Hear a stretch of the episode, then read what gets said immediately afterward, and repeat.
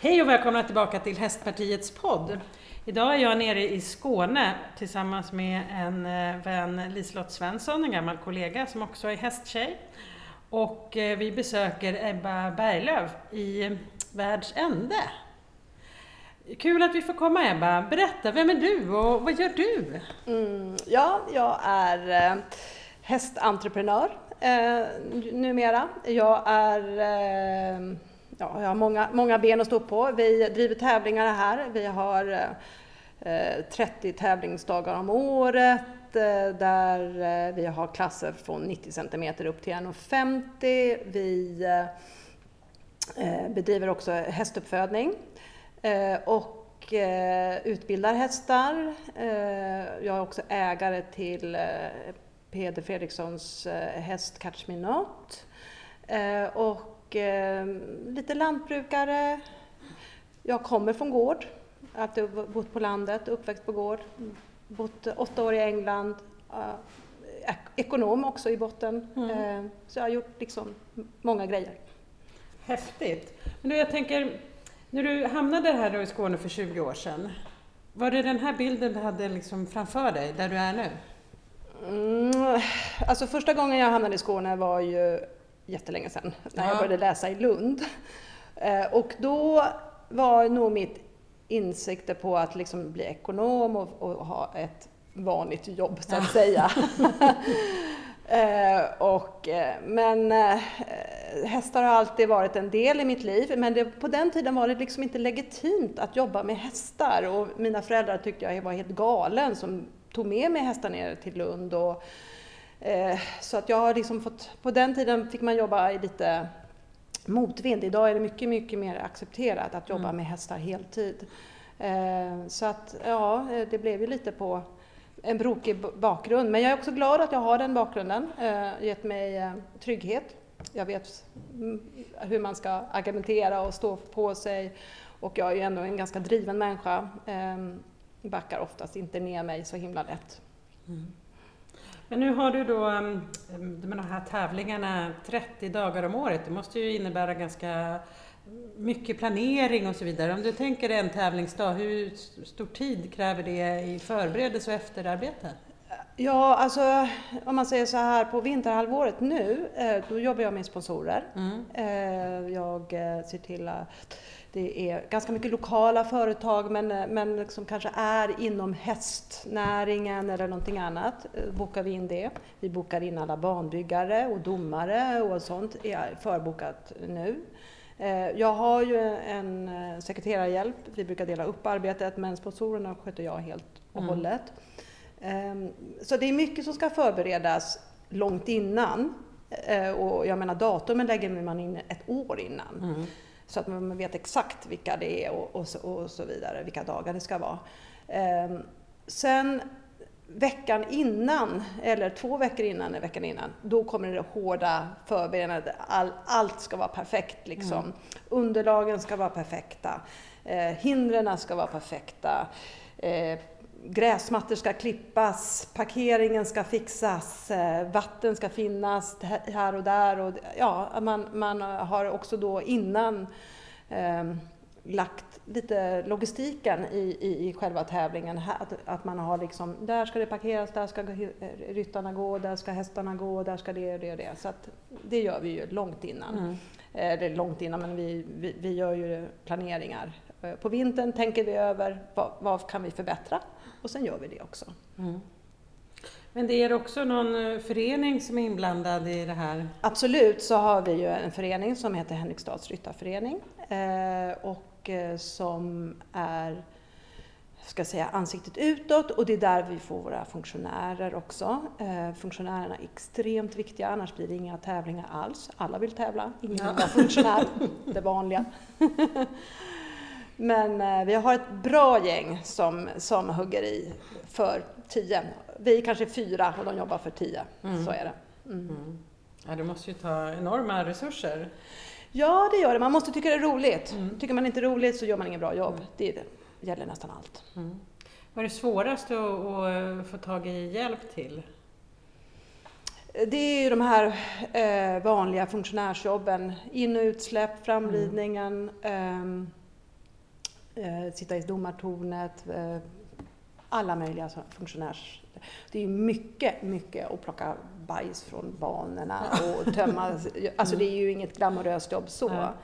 Men är man lite på hugget och vill lära sig så kan du också se väldigt mycket bra ridning. Mm. Eh, vi får ha alla toppryttarna här.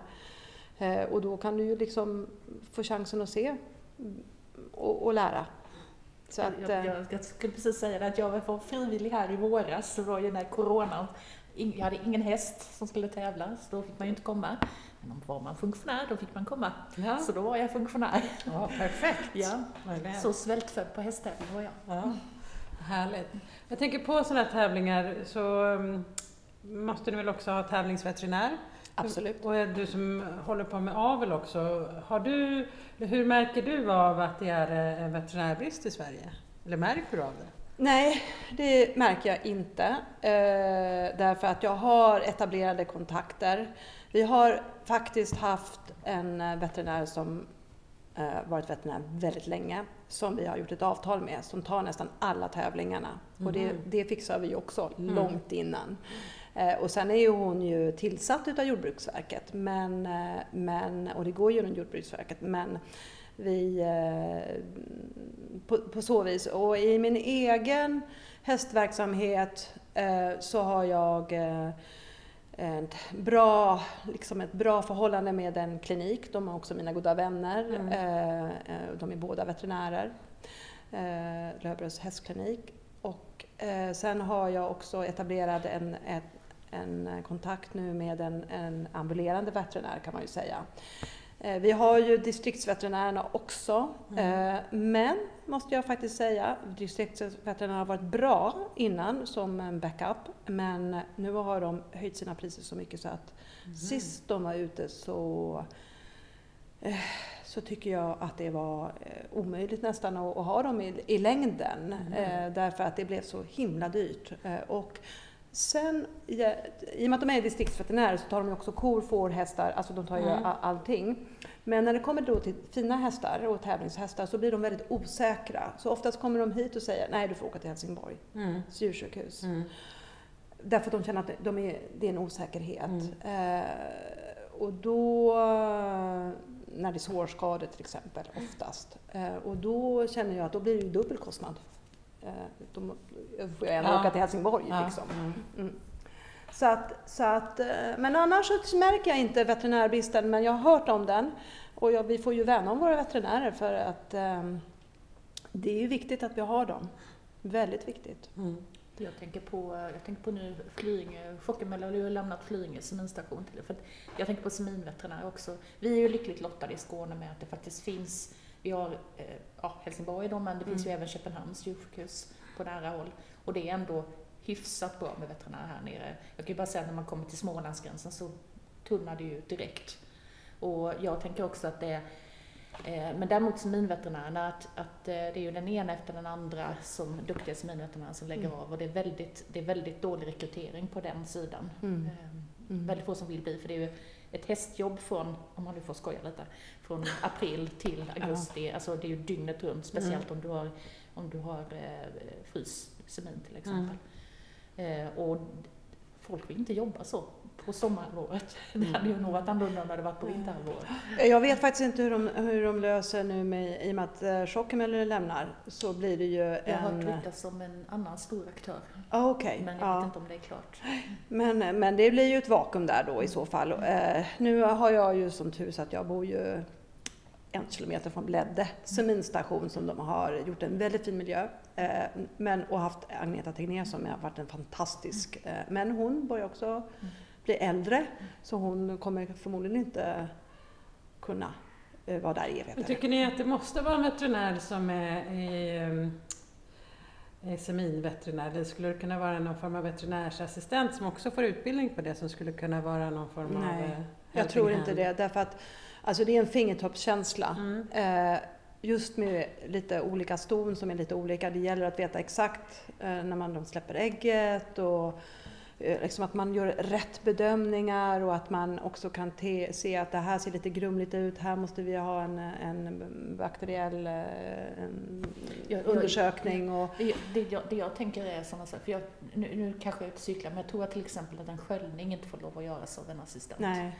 Och, och inte en be- antibiotikabehandling Nej, heller nej. om det behövs det. Mhm. Och då tänker jag att sånt kanske skulle gå att lägga över på, att, ja, naturligtvis på veterinärens inrådan så att Ja, säga. mm, men som en sjuksyster. Ja, ja Fast, Mm. typ. men, eh, men det är fortfarande, för det är ju eh, Fredrik och Lina och Martin Linell till exempel Ja. har ju startat också. De fick ju plocka in, jag tror hon är italienska, den som Ja. har jobbat där till exempel. Mm. Och de som Fockebeller har ju haft på stationen har ju det ju inte varit några svenskar utan har, har de tagit Ja, Alltså det är utländska. seminveterinärer som är i Australien på vintrarna och i Europa på Och de är sommaren. blir ju specialiserade Mm. också. Det är ju som vi har Sanna Halldén här uppe. Hon har ju också bara specialiserat sig eh, på, på, på, alltså på senin. Jag tror att det är svårt. Du skulle inte kunna bli en distriktsveterinär. nej, fixar det. Fixa det. Ja, okej. Därför att du måste kunna det. Du måste, alltså det är med erfarenhet och timmar igen som du kan göra ett bra jobb. Mm. Mm. Ja, och både Agneta Tegnér och Sanna Hallén är ju på, på väg in i pension. Så är det. Exakt. Och Sanna tror jag inte taget har Nej, nej. eh, längre. Nej. Men nu måste jag ändå få fråga en helt annan sak. Det blir ju lite så ibland när man tänker på tusen saker. Men eh, det här med att äga Catch Me... Eh, eh, Något. Catch Me Not, ja. Eh, som är som rids av eh, världens bästa ryttare. Mm. Hur känns det och hur kommer det sig? Ja, eh, det, ja, hur det kommer sig, det, det är ganska lätt. Eh, jag, jag och Jens och Peder, vi har känt varandra sedan barnsben faktiskt. Mm, mm. När de bodde i Uppsala. Jag kommer ju därifrån, eh, den trakten, och våra föräldrar kände varandra. Så redan där kände vi varandra lite. Sen flyttade ju de tidigt ner till eh, Flyinge Mm. och då gick det ju inte alls. Men sen så red ju Peder fälttävlan på hög nivå, gjorde jag också. Och han var i England, där var jag också. så vi har sett eh, varandra eh, i alla, alla år. Jag var på Lisen och Peders bröllop till exempel. Eh, och vi har gemensamma vänner och, och så. Hästvärlden är inte Mm. så stor. Men om man ska ta det från början så var det ju en ganska rolig historia för att eh, eh, jag köpte ju honom som föl och som fyraåring så hoppade han stort men jättekonstigt. Alltså med benen ner och allt sådär. Och då så sa jag till Pedro Lisa, ja, men jag tror att det är en bra häst det där. Ja, sa jag, men då lånar vi honom, hem honom i två veckor så får vi se om vi kan köpa honom eller inte. Så var han där i två veckor och sa de, nej, det här är ingen häst för oss. Nej, sa jag, det är fine. Och sen så, så var jag och tävlade här eh, bredvid ehm, och då var Peder där och då så sa jag, nej men du ska nog titta på den här. Då var han Mm. sex år. Mm. Så var han här och så provade han och fick en bra känsla sa han men tyckte att benen hängde så mycket så Ja. han bara nej, det blir inget. Och sen så var jag i Billdal och sen gick ju åren och jag liksom kämpade på och den gick 1,30 så gick den 1,40 så gick den 1,45 och så gick den 1,50 och sen plötsligt var vi på samma tävlingar uppe i Billdal, eh, stora de här Gina Tricot-tävlingarna. Och då så var jag inne och så red jag och så gick det väldigt bra och liksom och han bara, ja men du är ju här på prisutdelningen igen liksom. och då tror jag att han gick hem och tittade på resultaten och lite filmer och grejer vad han kunde titta. Och sen så ringde han och frågade om jag, han kunde få prova hästen igen. Och då Mm. sa jag, men Peder du har ju provat den så många gånger nu, nu får du liksom. Så jag hade inga förhoppningar. Nej. Och så provade han den inomhus först hemma hos sig, eh, när jag var där. Och så. Och han, var lite, han är ju lite sådär, så han tittade på något annat och så rev han något hinder och så. Ja men sa Peder, jag, jag vill prova den eh, utomhus också. Och då gick vi ner på den stora och då hade han satt upp en jättestor T-kombination. Så han bara styrde in i den och hästen bara plopp, plopp, plopp, plopp. Och då så hoppade några hinder till och så hoppade han av och så sa han, kan du lämna hästen här? och så tyckte jag, nej det kan jag inte för det här är min hjärta. Det här är mitt hjärta liksom. Jag måste tänka på det. Så att jag åkte hem och grät i 14 dagar. Men, och var liksom verkligen, min man tänkte så, men du behöver inte lämna ifrån dig hästen, sa han till mig. För jag var så, eh, vad ska man säga, eh, jag var ju så tv- tveeggad. Alltså jag, jag ville ju att hästen skulle liksom få visa hur bra den var. Men samtidigt så älskade jag hästen och då ska jag behöva lämna ifrån mig den. Liksom. Men så tänkte jag, ja, han får ha den ett tag. Så nu har han haft den sedan dess. Och det är, det är tre, tre år. nu. Och den har bara vunnit nästan allt. Vi gick igenom det. Liksom den bara, ja, åkte första tävlingen, vann den och ja, så vann den Falsterbo Derby och sen vann den det. Ja. Så den har varit fantastisk. Mm. Men det var ingen som trodde det, det Nej. kan jag säga. Inte när man var ung. Nej. Hur kommer det sig att du köpte den från början? Trodde du att den Föl. skulle... Ja, Mm. som ett föl? Ja, också en story bakom. Det var, jag var på en auktion, Mm. eh, den här stora som då var i Flyinge, SSHS-auktionen för eh, alltså, selekterade treåringar. Mm. Och så budade jag på den och då var det Cugini som budade hem den Cadento för jag ville ha en Cadento. Och då visste jag att grannen hade en Cadento i, i, i, i föl då. Så då ringde jag Krilla här uppe på Blädde. Hej, kan jag få köpa ditt föl? eh, ja, sa han, det får du, men du får betala en del för det. Ja, vad är det då? Ja, jag kommer inte ihåg, 75 80 000 och sånt där.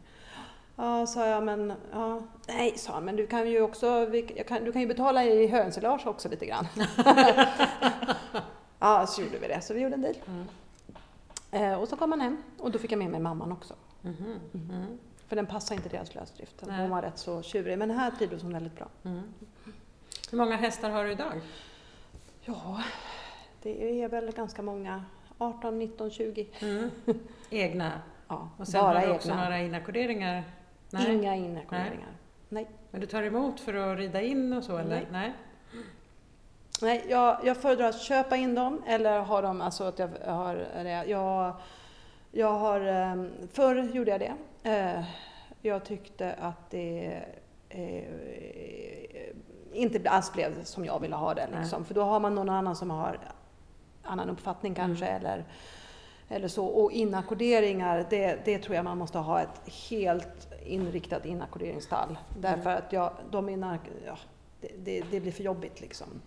Mm. Förstår. Men du är ju företagare och någonting som vi har pratat rätt mycket om det här året, det är ju också för att man har gjort en utredning om det, det är ju om man ska undanta hästen ur konsumentköplagen om du säljer till en privatperson.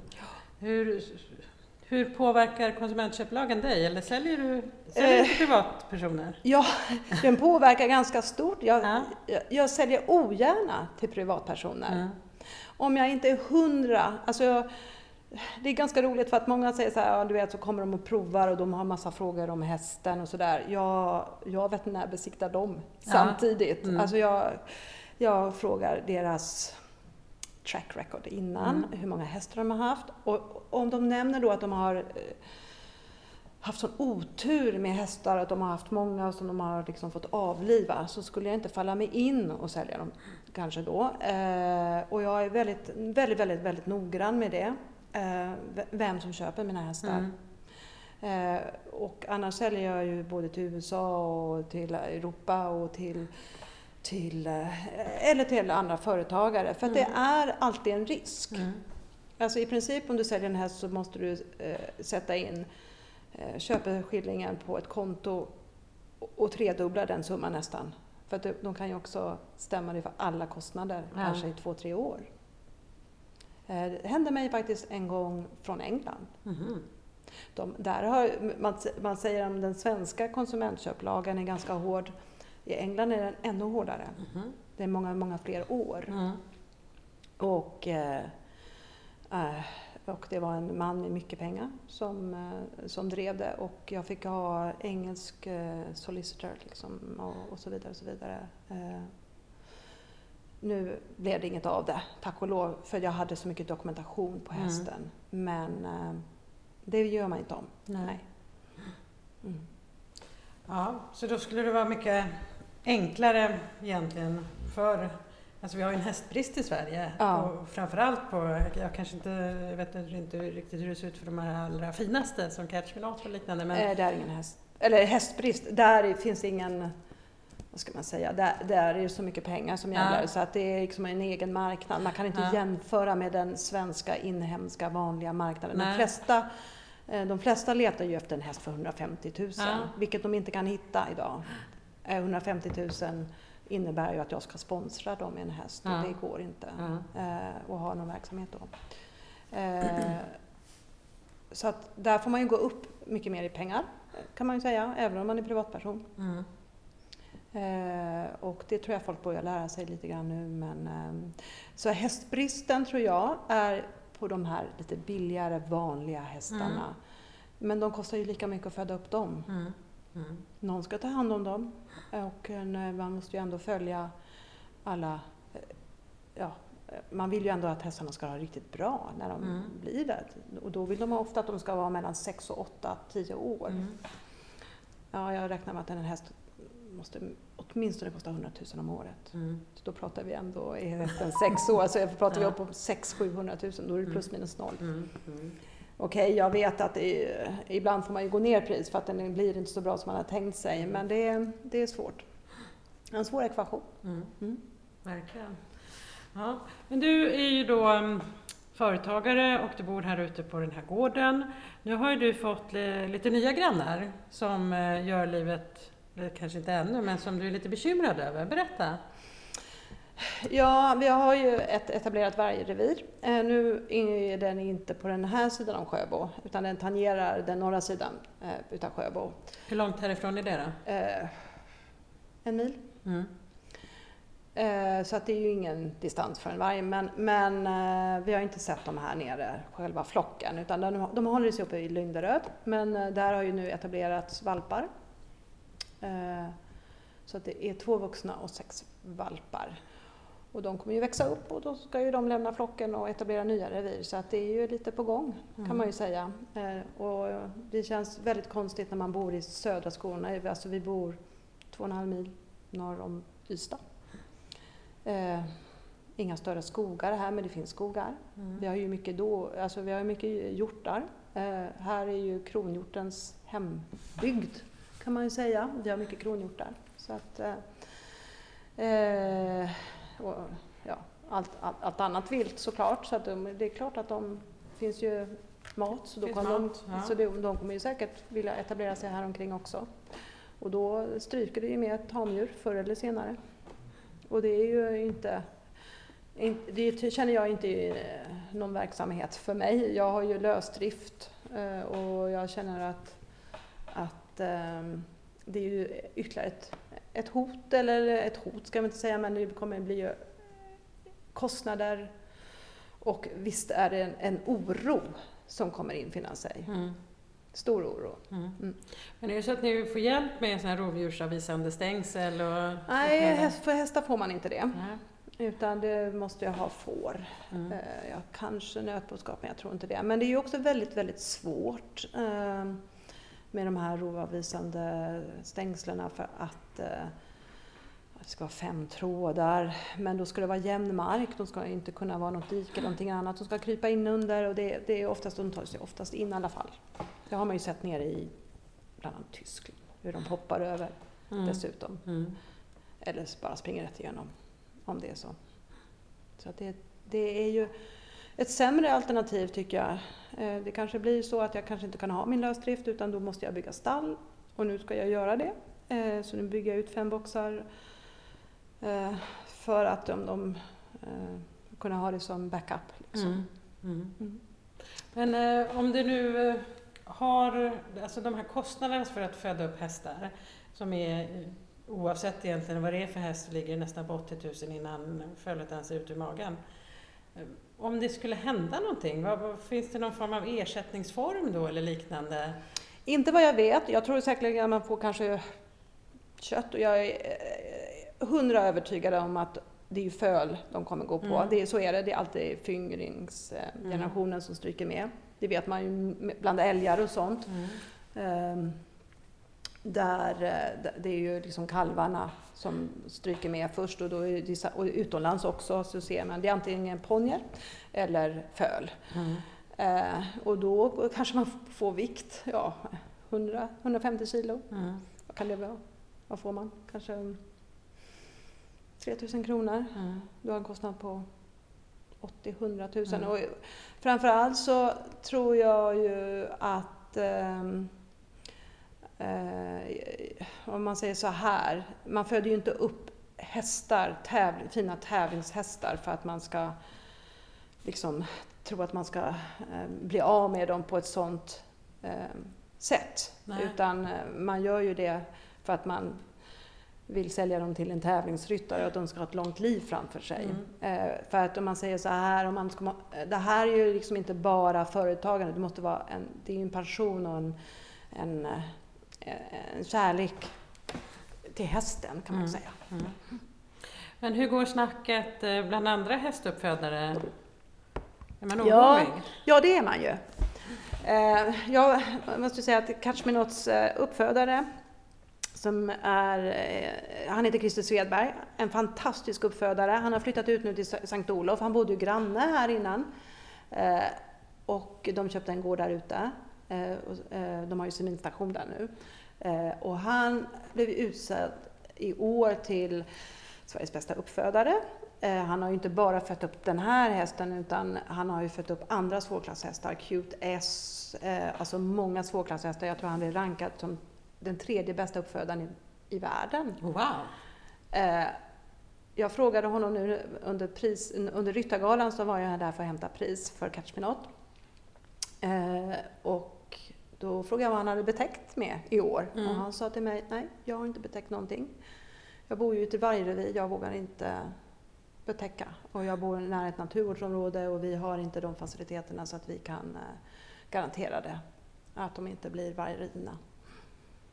Kan man säga då att eh, rädslan för att eh, hästarna skulle bli utsatta för eh, vargar eller bli skrämda av vargar gör att vi kommer att se en allt större hästbrist framöver, framförallt på fina avelsdjur?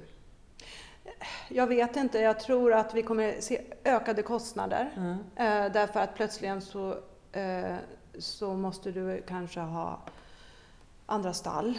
Hästarna kanske inte får gå ut. Det kanske blir som i Europa, de inte får gå ut. Vi har ju ändå etablerat vår svenska halvblod med att de får vara ute i stora hagar, i kuperade områden, att, att de liksom blir starka och, och, och hållbara hästar. Eh, och, ja, ska vi stoppa in dem i en halmad box? Det kanske blir det så. Mm. Det, man vet inte. Vi får ju se vad det här tar vägen, Mm. helt enkelt.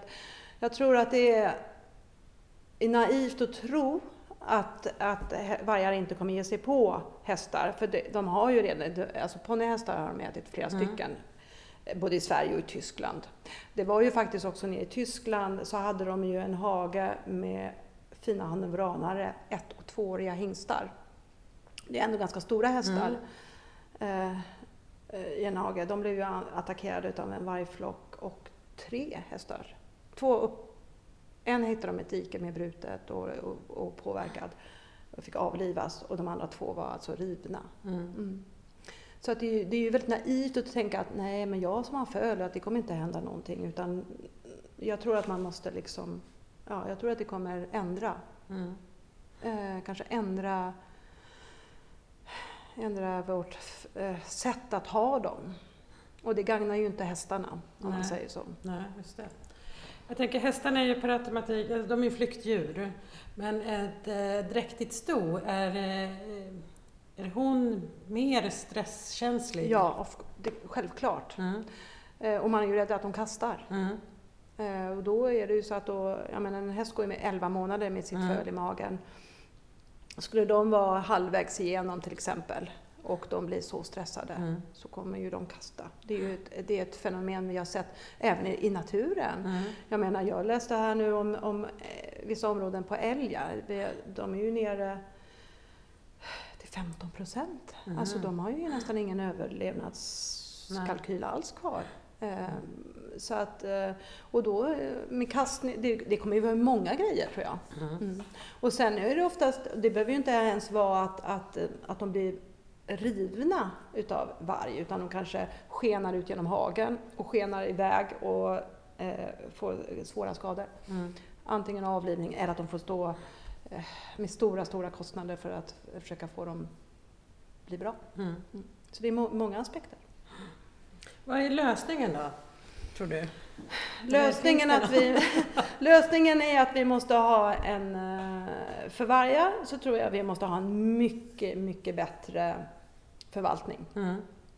Eh, där man har, eh, alltså man måste ändå eh, visa vargarna att, man, att, att människan är farlig och att de, att de absolut inte får komma nära din gård. Du måste kunna skjuta mot en varg om den är på din gårdsplan eller om den är nära din flock. Det måste inte, det måste inte vara som idag, så, så får du, och ja, om den jagar dina djur i hagen och du skjuter ett varningsskott så får du skjuta på den. Mm. Jag tror att man måste eh, tala om för vargarna att så fort de ger sig nära ett samhälle eller en gård eller där det är befolkat så måste de förstå att det är farligt att vara där. Mm. Eh, det tror jag. Eh, jag tror också att eh, man måste lättare kunna få skyddsjakt på varg. Mm. Eh, och man måste kunna vara anonym.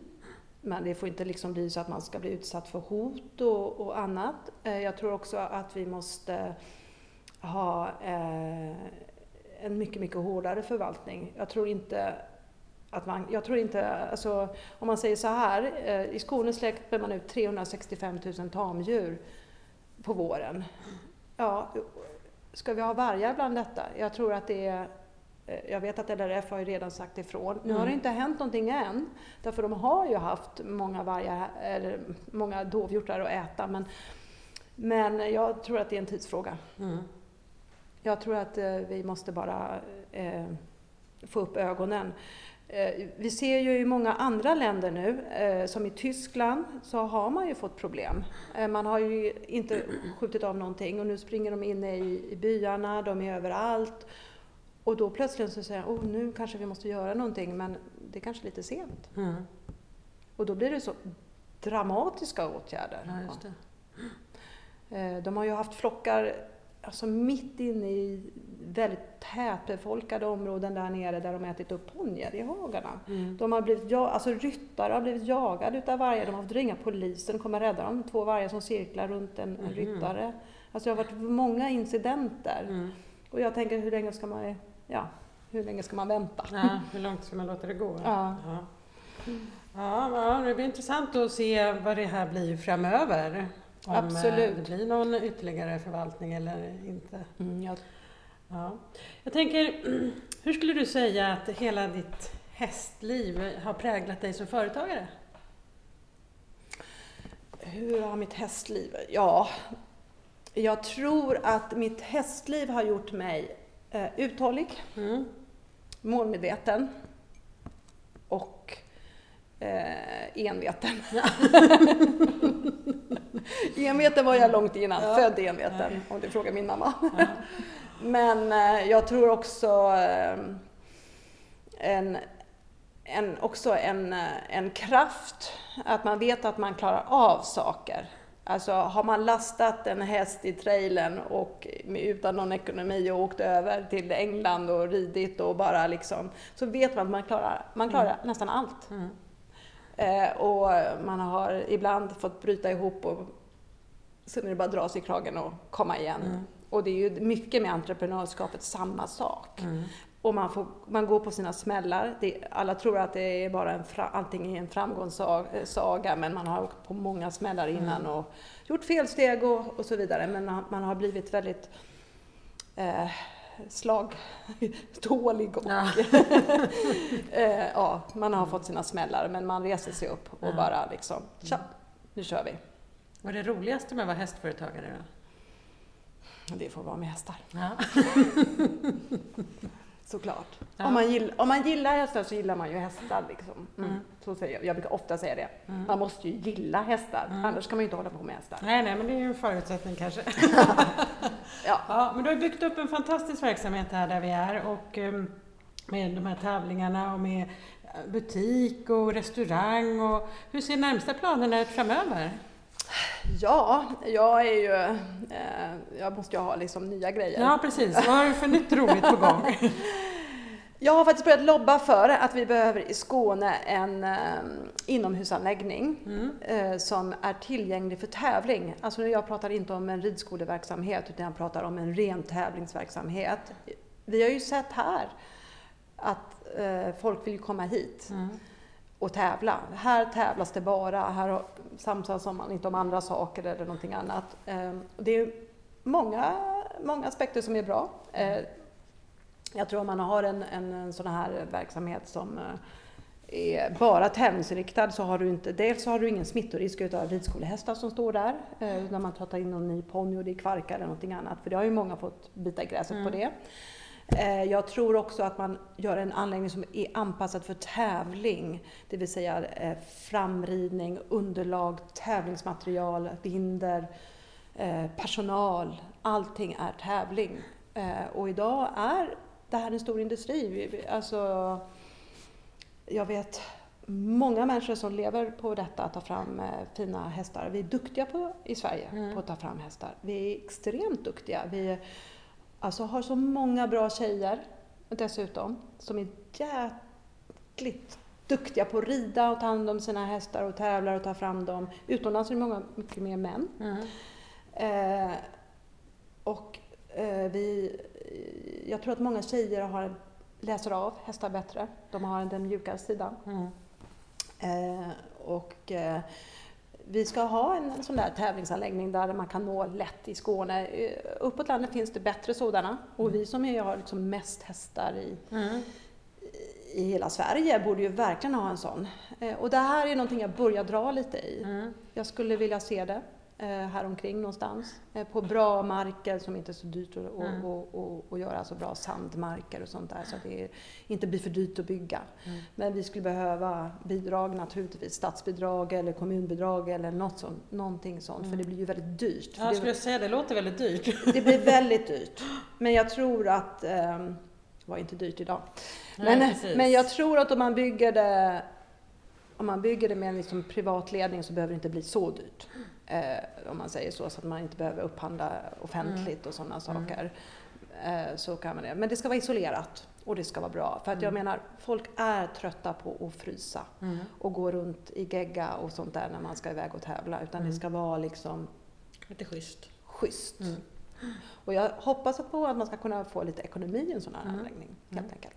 Mm. Ja, det låter jättespännande. Jag kommer på invigningen helt enkelt. Ja, du är välkommen! ja, en sista fråga. Mm. Jag tänker, det finns ju massa saker som man kan förbättra för hästnäringen. Vi har ju varit mm. inne på flera av mm. dem. Jag tänker, om du skulle bli landsbygdsminister, mm. finns det något som du direkt känner att det där skulle jag bestämma om jag blev eh, minister för att förbättra för Sveriges hästnäring? Ja, jag tror att eh, jag tror att man ska göra så här, att man ska göra det jag, jag, ser en tendens att allting blir väldigt mer krångligt idag. Eh, det är, du måste, jag, jag, tror att man måste ha, inte gå den vägen. Jag tror att man måste gå en annan väg.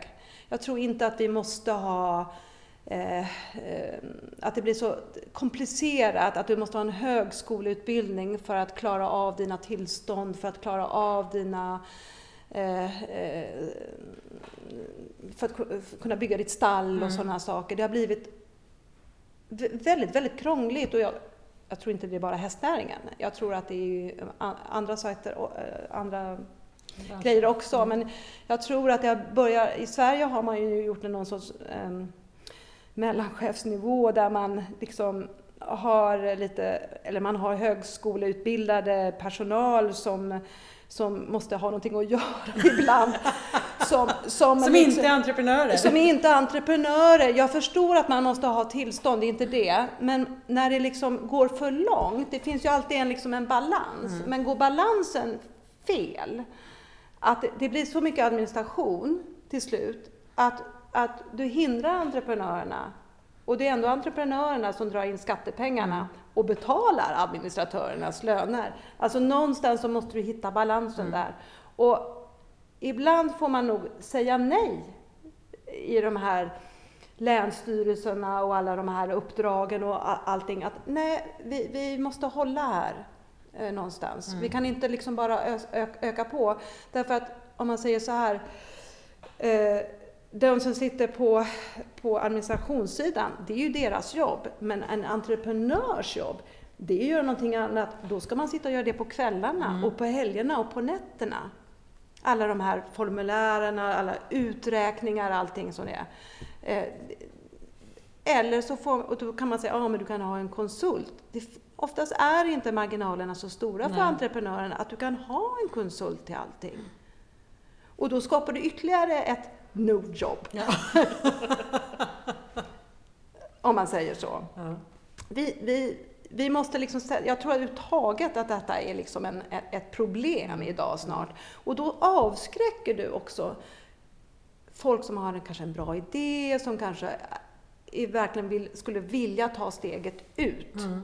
men vågar inte. För de ser bara de här, du vet, anhopningarna av saker som, som ska göras. Och jag vet när jag skulle bygga den här anläggningen här, då hade jag kommunen här för jag var så glad jag hade fått landsbygdsutvecklingsstöd. Och det enda de kom med från kommunens sida, hade bjudit in här flera stycken, det var alltså fem sidor bara det här måste du söka, det här måste du göra, det här måste du, du ska ta parkering, du måste ha markprov, du måste det. Det visade sig det var bara nons, eh, allting behövde man inte alls göra. Nej. Men du vet, jag, alltså jag, jag var ju nästan så, jag tänkte nej jag struntar i det här. Ja, Jag kommer, jag, drunknar, jag kommer aldrig orka det här. Sen är jag ju väldigt enveten så jag bara okej, jag bara liksom, men hade det varit min man som är mycket mer en praktisk, eh, och vi, och vi klarar oss inte utan de här, utan de här praktiska människorna Nej. som kan fixa saker. När det har flödat, flödat över på hela, det har kommit liksom 50 millimeter regn och som kan stå och pumpa ut allt vatten så alla kan tävla eller som kan fixa ihop eh, en lastbil som inte startar eller du vet. Mm. eh, Hade du frågat honom så hade han lagt ner det direkt. Mm. Därför han, in, man, alla är, vi kan inte alla liksom vara administratörer. Nej. Och det här tror jag, det här är viktigt. Mm. För, alla, för, hela, för hela den här, eh, ja, uttaget och, och kanske speciellt för eh, landsbygden. För vi, och då blir de här klyftorna och de här misstroende mot myndigheterna. Jag tror att vi liksom gräver en grav. Vi måste ju ha de här praktiska människorna som vet vad som, hur man verkligen gör. Ja. Inte att det kommer någon ut och säger så här ska du göra, fast på ett annat språk. Liksom. Bra där. Vi får jobba vidare på det helt enkelt. Minska jag. regelkrånglet. Ja. Vi måste förenkla och, eh, och, och göra det lätt för folk. Bra, stort tack Ebba för att jag fick komma hit idag och få spela in den här podden med dig. Så eh, får jag hoppas att jag snart får komma tillbaka på invigningen av det här eh, tävlingscentret då. Ja, ge mig tio år. Vi håller kontakten. Och till er som lyssnar, stort tack för att ni lyssnade och nästa vecka kommer ett nytt bra avsnitt såklart av Hästpartiets podd. Tack för idag!